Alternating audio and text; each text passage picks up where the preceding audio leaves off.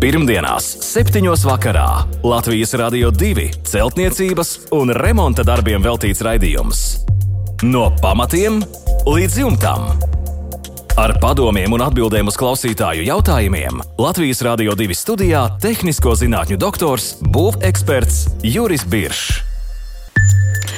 Sveicināti raidījumā no pamatiem līdz jumtam. Studijā Inese un Kālažs būveksperts, tehnisko zinātņu doktors Juris Biršs ir gatavs atbildēt uz jūsu jautājumiem, sniegt padomus par būvniecību, celtniecību un remontdarbiem. Labvakar, Biršs kungs! Labvakar! Vēstuļi ir daudz, tālāk ķeramies tūdaļ pie darba. Sāksim ar Juri jautājumiem. Jautājums Jurim ir par siltināšanu dzīvokļa renovācijas laikā.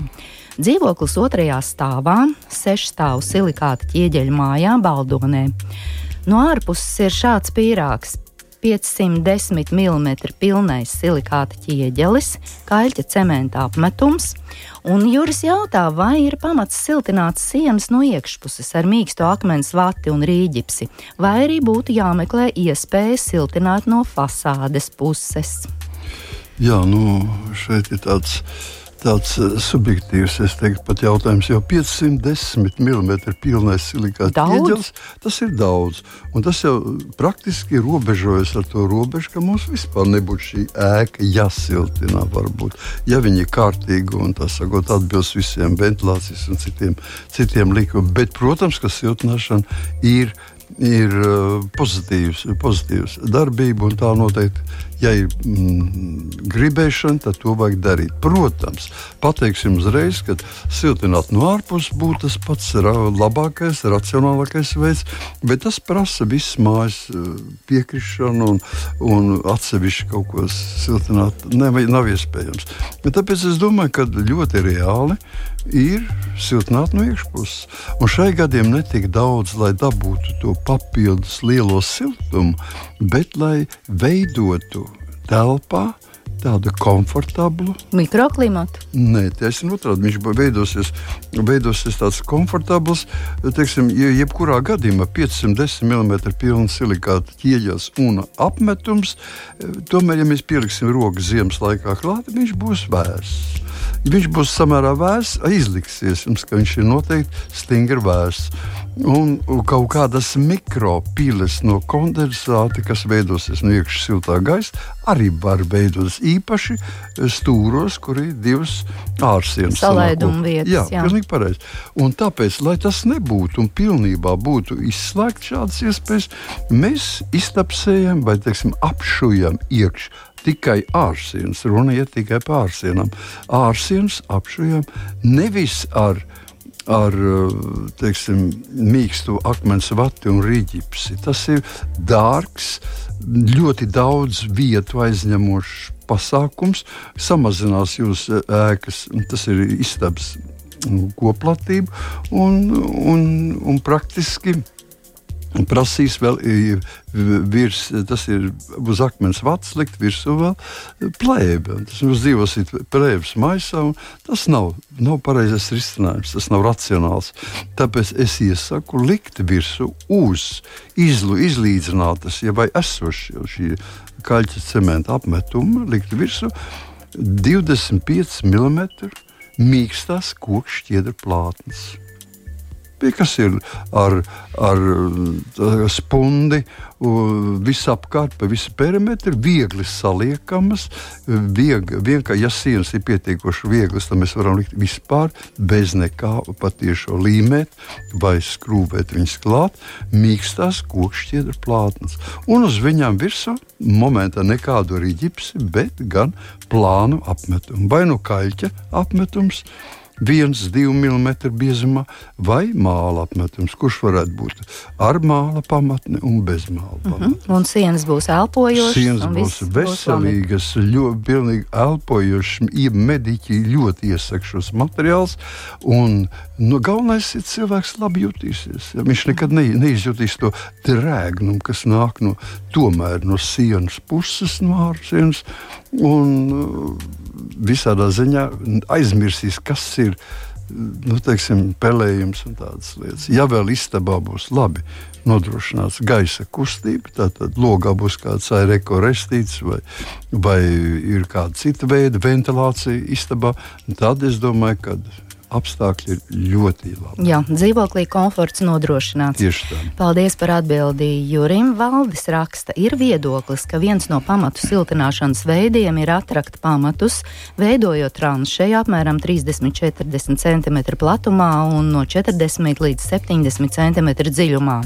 Šo rakumu piepildīt ar keramzītu un no augšas nosegt ar materiālu, kas pasargātu no ūdens iekļūšanas tranšejā, betona plāksnēm, plēvi vai ko tam līdzīgu kārtību. Kāds būtu jūsu viedoklis? Biežs kungs jautā valdis. Jā, nu, man šeit ir diezgan sakot, grūti atbildēt, jo es neesmu piekritējis šādā, šādai rīcībai un, un uzskatu, ka cilvēkam ir eh, pirmā, teiksim, ēkas pirmajā stāvā, ja viņam ir jāsiltina grīda, nevis pamati. Ja?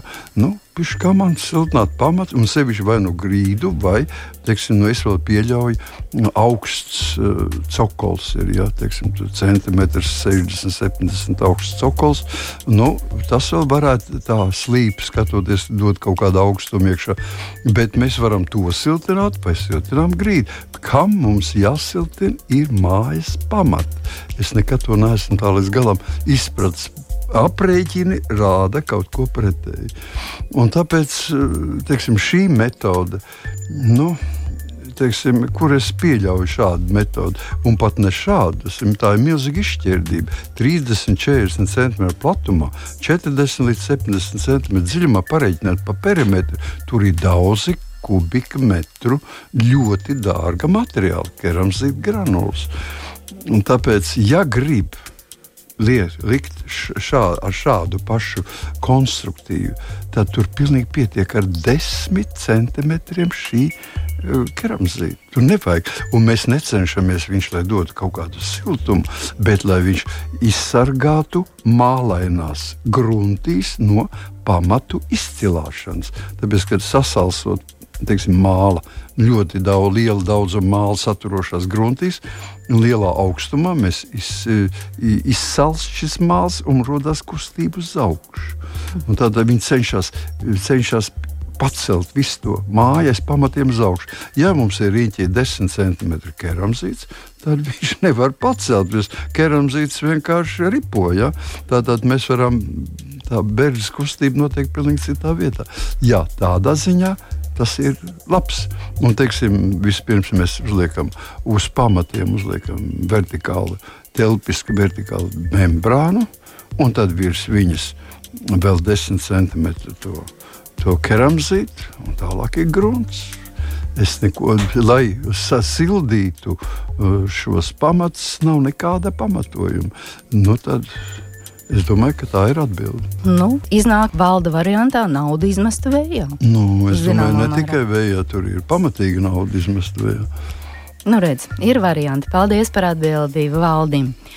Jānim ir laukakmeņa mūra māja, kur sienas biezums ir 1,10 cm. Māja ir apdzīvota tikai vasarā, bet pārējā laikā brīvdienās aizbrauc saimnieki. Apkurs veids pagaidām vēl nav zināms, un iespējams, ka malkas apkurs krāsnes būs.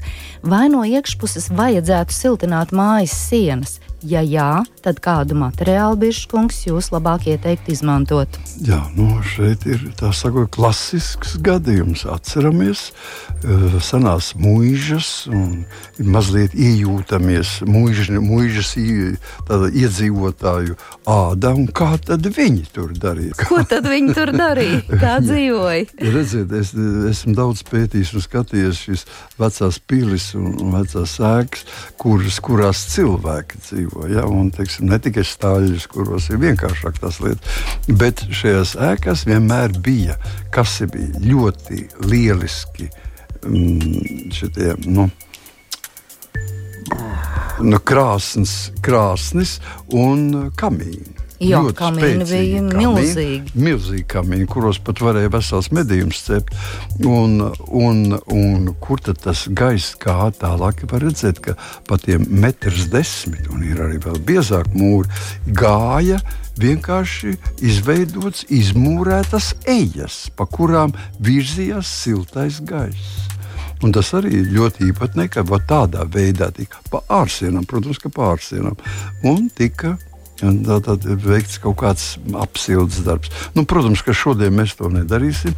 Ne visos, kā jau teicu, tikai pilīs un tādās vietās, kur tas ir ļoti nepieciešams. Ja teiksim, tas ir kāds stams, stalles vai, vai, vai teiksim, savādākiem nolūkiem, aizsardzības nolūkiem, ir celta siena, tad tur nekādi caurumi vai ejas nebūs. Nu, ko tad darīt šajā gadījumā? Šajā gadījumā mums ir jāsaprot, ka augstums no ārpuses, sevišķi vēl tagad pie mūsējām tagadējām ziemām, nu, šo, ziemas, kas rāda, ka augstums var bieži mainīties un sasniegt diezgan lielus mīnusus. Un tad no metrs desmit siena var no mīnus 20 grādiem iekšā viņa būs. Nu, arī zem mīnusiem. Es nezinu, cik liela, bet tie būs mīnus. Un tas mājā nav pieņemams. Tāpēc noteikti ir jāsiltina šī siena tikai no ārpuses. No iekšpuses tas būtu vienkārši. Jūs siltinātu Rīgas staciju vairāk nekā savu dzīvokli. Tāpēc no iekšpuses, ko mēs darām? No iekšpuses mēs veidojam karkasu, koka karkasu vai metālu tātad, nu, teiksim, riģīšu viegli metāla karkasiņu, kuru pildam apšujam ar mīksto kūkšķieru plāksni no, no telpas puses un piepildām ar ekovātu. Tātad viņi varētu būt no 5 centimetriem līdz 35 centimetriem. Vienalga, cik tāda visi nelīdzinām, mēs izlīdzinām sienas, visādas tur starp akmeņiem, kur ieplaks, un viss tas viss tiek piepildīts ar ekovati. Tātad ekovate šajā konstrukcijā neizbēgam veidosies kondensāts no iekštelpas uz akmeni un šajā starpā noteikti veidosies kondensāts, un viņš tiks uzsūkts ekovatē un izturēts. Jo tik un tā arī caur akmens mūri notiek šie apmaiņas procesi. Daudz vienkāršāk, daudz lēnāk, bet viņi notiek tādā, notiek žūšanas process. Un tādā veidā mēs vienkārši panākam to, kas mums ir vajadzīgs. Ja ir ļoti katru dienu jādzīvo šādā, nu, cik es saprotu, vasarā un brīvdienām tas ir pilnīgi pietiekoši. Bet, ja jādzīvo katru dienu, tad starp akmens mūri un starp ekovati vēl veido atsevišķu gaisa šķirkārtu, kura izvada pa zināmām zināmiem vadiem izvada šo, šo, teiksim, šo mitrumu, ja, kas arī tiek kontrolēts un izvadīts caur mērot, mērot šī, šī gaisa mitrumu, tad uzliekot ventilatoru ar mitrumu sensoriem. Jā, paldies par atbildi Jānim. Pirmdienās, 7. vakarā Latvijas Rādio 2 celtniecības un remonta darbiem veltīts raidījums. No pamatiem līdz jumtam. Ar padomiem un atbildēm uz klausītāju jautājumiem Latvijas Rādio 2 studijā - tehnisko zinātņu doktors, būveksperts Juris Biršs. Turpinām raidījumu ar Dagnijas vēstuli. Ļoti mitrs pagrabs, bojāts pagraba koka pārsegums, pirmā stāva grīda arī. Māja atrodas ērgļos, Madonas novadā. Akmens betona pagraba divas trešdaļas ir zem zemes, ir ventilācijas caurumi, grīda, mālsmilts. Doma ir nobetonēt pagraba griestus, bet nezinām, kā to efektīvi izdarīt. Vai tas palīdzētu samazināt mitrumu un saglabāt ēku, lai neiebrūk pirmā stāva grīda, vai labāk būtu betonēt arī grīdu, mainīt pagraba pārsegumu, kas būtu efektīvākais un arī pēc iespējas lētākais variants, jautā Dagnī. Jā, nu, šeit mazliet tomēr vajadzētu, lai būtu kaut kāda inženieru izpēta jautājumā. Tur diezgan daudz neskaidrības. Ja. Viens ir skaidrs, par vienu jābūt pilnībā skaidrs. Nekad pagrabos nedrīkst likt koka pārsegumu. To parasti nekad nedara. Un, ja to dara, tad ir likums, ka šim koka pārsegumam jābūt pilnīgi brīvi pieejamam gan no vienas puses, gan no otras puses. Un tad mēs skatāmies līdzi un, un, un likvidējam mitrumus, mitrumu radītos defekts, un tā mēs varam saglabāt šo koku pārsegumu. Šajā gadījumā no ārpuses, no iekšpuses mēs varbūt tiekam un redzam, ka, ka pārsegums ir bojājas, bet no otras puses mēs klāt netiekam. Tur ir, cik es saprotu, tur ir pēc grīdas seko māls smilts. Tā kā šeit ir vairāki risinājumi vadī, gadījumi. Vai nu mēs nolikvidējam grīdu un veidojam grīdas vietā, veidojam šo betonu vai metālu un ar, stieg, ar stiegrojumu. Tātad betonējam grīdu vispirms, kur pēc tam nošpus siltināsim, un kura veidos it kā kesonu pāri pa visu šo, šo laidumu. Vai mēs atsedzam grīdu, likvidējam šīs uh, smiltis, nu, un tad varam labot koku vai veidot koka vietā vispār teiksim, atteikties no koka pārseguma, veidot pagraba griezts jau betonā. Jā, bet kas būtu materiāli izdevīgāk? Lētāk mm. jautā Dagnī. Es domāju, ka, vienlīdzīgi apmēram? Es domāju, ka bijis uh, visvienkāršākais ir, ir glābt cilvēks. Tas nozīmē grīdu, mainīt esošo grīdu un veidot viņus eh, normāli nesošu grīdu, kura nebalstās uz pārsegumu. Un tad pēc tam var sākt domāt daļēji vai pilnībā mainīt šo pārsegumu elementus vai visu pārsegumu. Mhm. Jā, paldies Biržkungs par atbildi Dagnijai. Jautā klausītājs.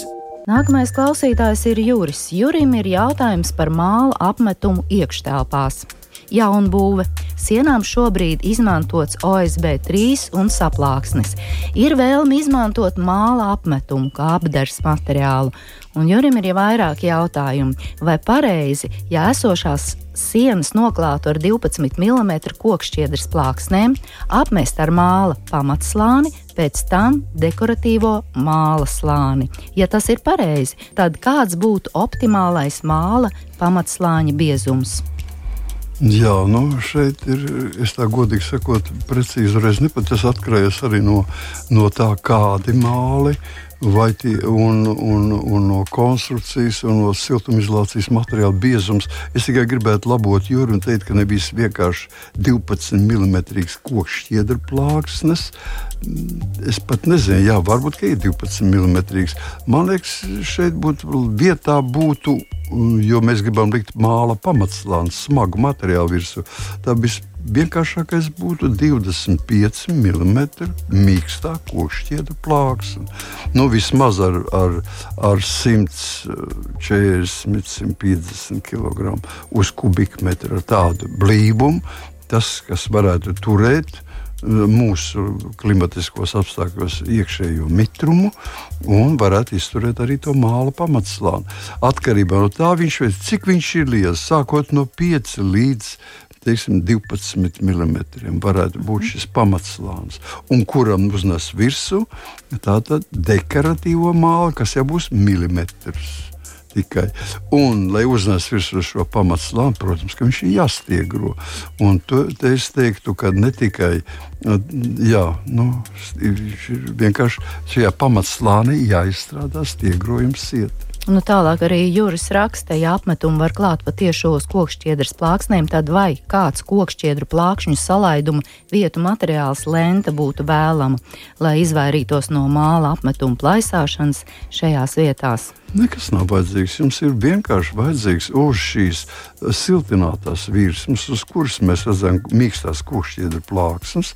Mēs liekam virsmu un, teiksim, nu, teiksim, māla pirmo kārtu, pēc tam mēs liekam sietu virsū. Kādu sietu? Mēs varam vislabākais būtu vienā vai divās kārtās likts džutas auduma sietas kas ir eh, ļoti izturīgs un piemērots. Un parasti tajos veikalos, kur mēs varam dabūt apmetuma mālus, un pamatslāņu mākslas un dekoratīvos krāsainos mākslas, tur arī var dabūt šos stiegrojumus.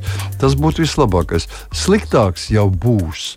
Stied, tātad, uh, stikla šķiedras sieti, kas ir, kas ir nepieguļ, kas ir elastīgi un spurainā. Džutas audums iet pie ideāli līdzi iet plastiski, tāpat tas kā, kā māls. Jā. Un ņemot vērā to, ka šeit nekādas augstas temperatūras neiet runa, šeit runa iet par tātad nekādas. Mm, teksim, žūšanas procesi uz stiegrota māla neradīs šos mm, plaisas.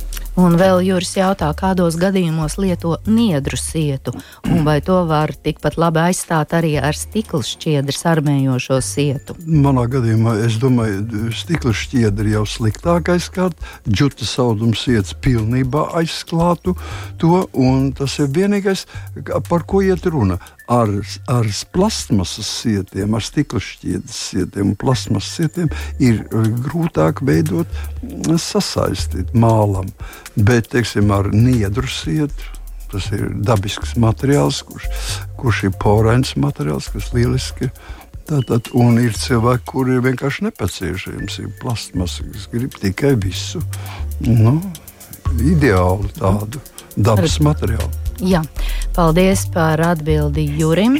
Ilmārs ir atsūtījis garu vēstuli, un viņš meklē veidu, kā uzlabot esošo tehnoloģiju.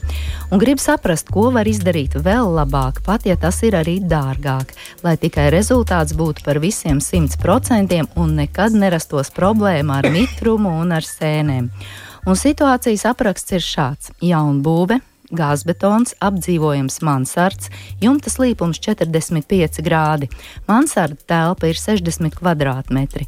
Pirmā stāva telpa ir daļēji nosegta ar starpstāvu grīdu, paliek liels atvērts laukums kāpņu zonā, kas savieno pirmo stāvu ar otro mansardu. Un pierāks no ārpuses ir šāds skrūvēti metāla dakstiņi, 25 mm horizontāls latojums, 25 mm vertikāls latojums, difūzijas membrāna rūkī 125 un spāris 200 x 50. Zem difūzijas membrānas būs mīkstā akmens vate 100 plus 100 mm. Tad šķērslata 50 mm un vēl viena akmens vates kārta 50 mm, tvaika membrāna latojums ar līsti 20 mm un uz tā 18 mm skaidu plātni ar apmetumu. Un eh, šeit ir jautājums, Ilmāra, vai šeit viss ir pareizi, Biržkungs? Nu, kā lai saka, ļoti uh, bagātīgi tiek izklāstīts. Izklā. Jā, bagātīgs un arī materiāli ļoti labi un ļoti, tā sakot, nu, mēs sakam, nu, tiek kārtīgi izsiltināta. Ja? Šis jumta konstrukcija un viss ir ļoti labi izskatās. Man ir tikai aizrādījums priekšā. Pirmkārt, protams, uz skrūvētiem metāla dakstiņiem ar vienu difūzijas membrānas. Membrāna nepietiks. Tātad vajadzētu tomēr aiz šiem metāla dakstiņiem. Man vajadzētu tvaika izolāciju ar antikondensāta pamatni, kas likvidētu visus augšējos kondensātus un sniegu, kas starp skrūvētiem metāla dakstiņiem parādīsies. Sevišķi vēl tādu, kā teiksim, šogad, kad jau sāk, sākam atcerēties, kā izskatās puteņi, ja, tad viņi tur būs tas sniegs iekšā un pēc tam ir gaisa sprauga, un tad ir difūzijas plēve un viss tas, kā, kā jau tiek norādīts. Bet Ilmārs, kā Ilmārs norāda, bet un, vēl kas man nesevišķi, tas sakot, es uzskatu, ka tas ir lieki, tas ir kad jau tuvojamies, visa siltumizolācija ir zem difūzijas membrānas, mīksta akmens vata, lai būtu. Tad šķērslata, vēl viena akmens kārta, 50 mm, brīnišķīgi. Un tvaika membrāna. Manā skatījumā šī tātad mīkstā akmens vate un membrāna. Nu, manā skatījumā varbūt tas iepriekšējais 50 mm vats kārta nu, nav īpaši jāizdala. Vai nu viņa tur ir, vai viņas tur nav. Tas ir labi, bet pēc akmens vates, protams, ka tvaika membrāna ir jāliek. Nu, tālāk, kā saka, skaidrs plāksnes ar, ar apmetumiem. Nu, principā es piekrītu šai konstrukcijai. Man mhm. nekas nav pretī. Ja mēs iznesam vēl tikai ārā to, ka, ka vajadzētu šo teiksim, papildus, papildus plēvi ar tvaika izolāciju, ar antikondensātu pamatni, tad pāries man pilnībā apmierina. Un tālāk jūras raksta, ar esošo difūzijas membrānu būs gana labi. Varbūt zem tās ielikt vēl papildus otru, kamēr vati vēl nav salikta. Pieskrūvēt ar atlokiem caur mazām brusiņām no iekšpuses pie spāru malām, vai tas ir lieki, jo ir ba bažas, kā izvēlētā un nu jau pieliktā difūzijas membrāna ir par švaku un kondensāts krāsies vatē. Vai satraukumam ir pamats? Jūs jau daļēji atbildējāt. Daļēji atbildējam. Es, protams, gribēju tikai mums jāsaprot, ka mums šo otru plēvi liekam pirmās vietā. Ja?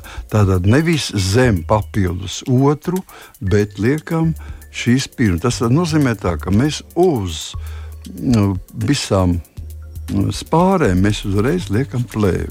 Šai gadījumā tur jau ir jau saliktas uh, horizontālās un vertikālās la, sakot, latas. Tas aizņem vietu. Tāpēc būs jāšuj tā, kā uh, Ilmārs saka, jā, būs jāšuj un jāpalaiž. Bet tikai, tikai tā pirmā, tagadējā esošā. Mm, um, teiksim, difūzijas plēve jāpalaiž vēl pa centimetriem pieciem uz leju. Jā, jo Ilmārs ir pievienojis arī divus fototēlus. Ļoti skaists, ļoti skaists rūpīgs jā, darbs. Jā, ļoti labi. Un, un, un, nu, sakot, ir, mani, mani, mani pārsteidza kārtība, kāda ir. Tas jau vienkārši būvniekiem neraksturīgi, bet tas ir ļoti jauki un apsveicami. Un es domāju, ka šādā mājā varētu par to padomāt. Tas ir iespējams vēl izdarīt. Tas nav nekas briesmīgs. Tas ir, tas ir to vērts. Jā. Un vēl viens īsts Ilmāra jautājums. Kāda iekšpusē būtu labākā tvaika membrāna? Nu, par tvaika membrānām mēs varam. Tvaika membrāna. Mums jāsaprot, tā, jāsaprot ka teiksim, tvaika membrāna vai tvaika, tas nozīmē tvaika mm, aizturošā membrāna, ja, tā tad tvaika membrāna. Tātad viņa būs tā, kas 24 stundu laikā izlaidīs cauri gramos ūdeni mazāk par vienu gramu.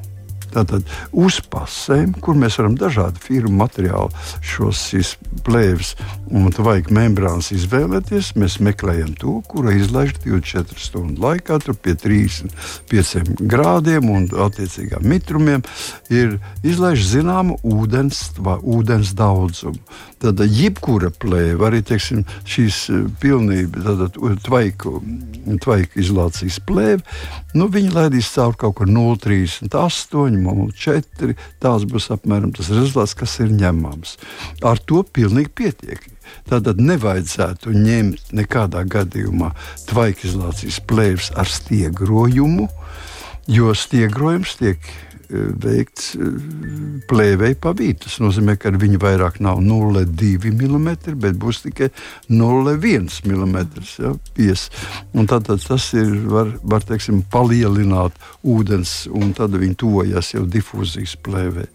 Un tāpēc es domāju, ka tas ir galvenais noteikums. Apskatīties visu, jebkuras firmas plēvi, kura teiksim, ir ekonomiski pieņemama un kurai pasē kas ir lapiņā, kas ir piestiprināta pie katra plēves rullīša, ir parādīts šis cipariņš. Paldies, Biržkungs, par atbildi Ilmāram. Un raidījuma noslēgumā vēl ārvija jautājums. Kā betonēt grīdu, ja tajā ir žurku caurumi? Acīm redzot, koka grīda. Kādu materiālu izvēlēties griestu klājumam, rīģipsi, stikla vati vai plāksnes? Nu, māju ir apsēdušas žurkas grauzēji un posta darbi ir veikti. Jā, nu, es teiktu, ka šis tas ir tāds, nu, kā lai saka, koka grīdas. Nu, nav tas labākais variants šajā gadījumā, ja iemetušas ir. Nu, tāpēc jau arī ārvis prasa, kā betonēt. Nu, vienkārši šī koku grīda jālikvidē. Tas ir pirmais, vai viņu noņemam un saglabājam un veidojam teiksim, šķembu pamatni noteikti šķēma pamatne, veidojam vismaz 10 cm noblietātas šķembas. Uz šīm šķembām liekam virsū tvaikizolācijas plēvi un stiegrojam sietu, kur piepaceļam par centimetru uz augšu, pusotru centimetru uz augšu, un tad betonējam. Nu, 5 vai 7 vai 10 centimetri, cik nu mums ir nepieciešams pēc slodzes, vai cik ir mūsu ekonomiskās iespējas. Lūk, pie šādas grīdas žurku cauruma vairāk nedraudēs jums.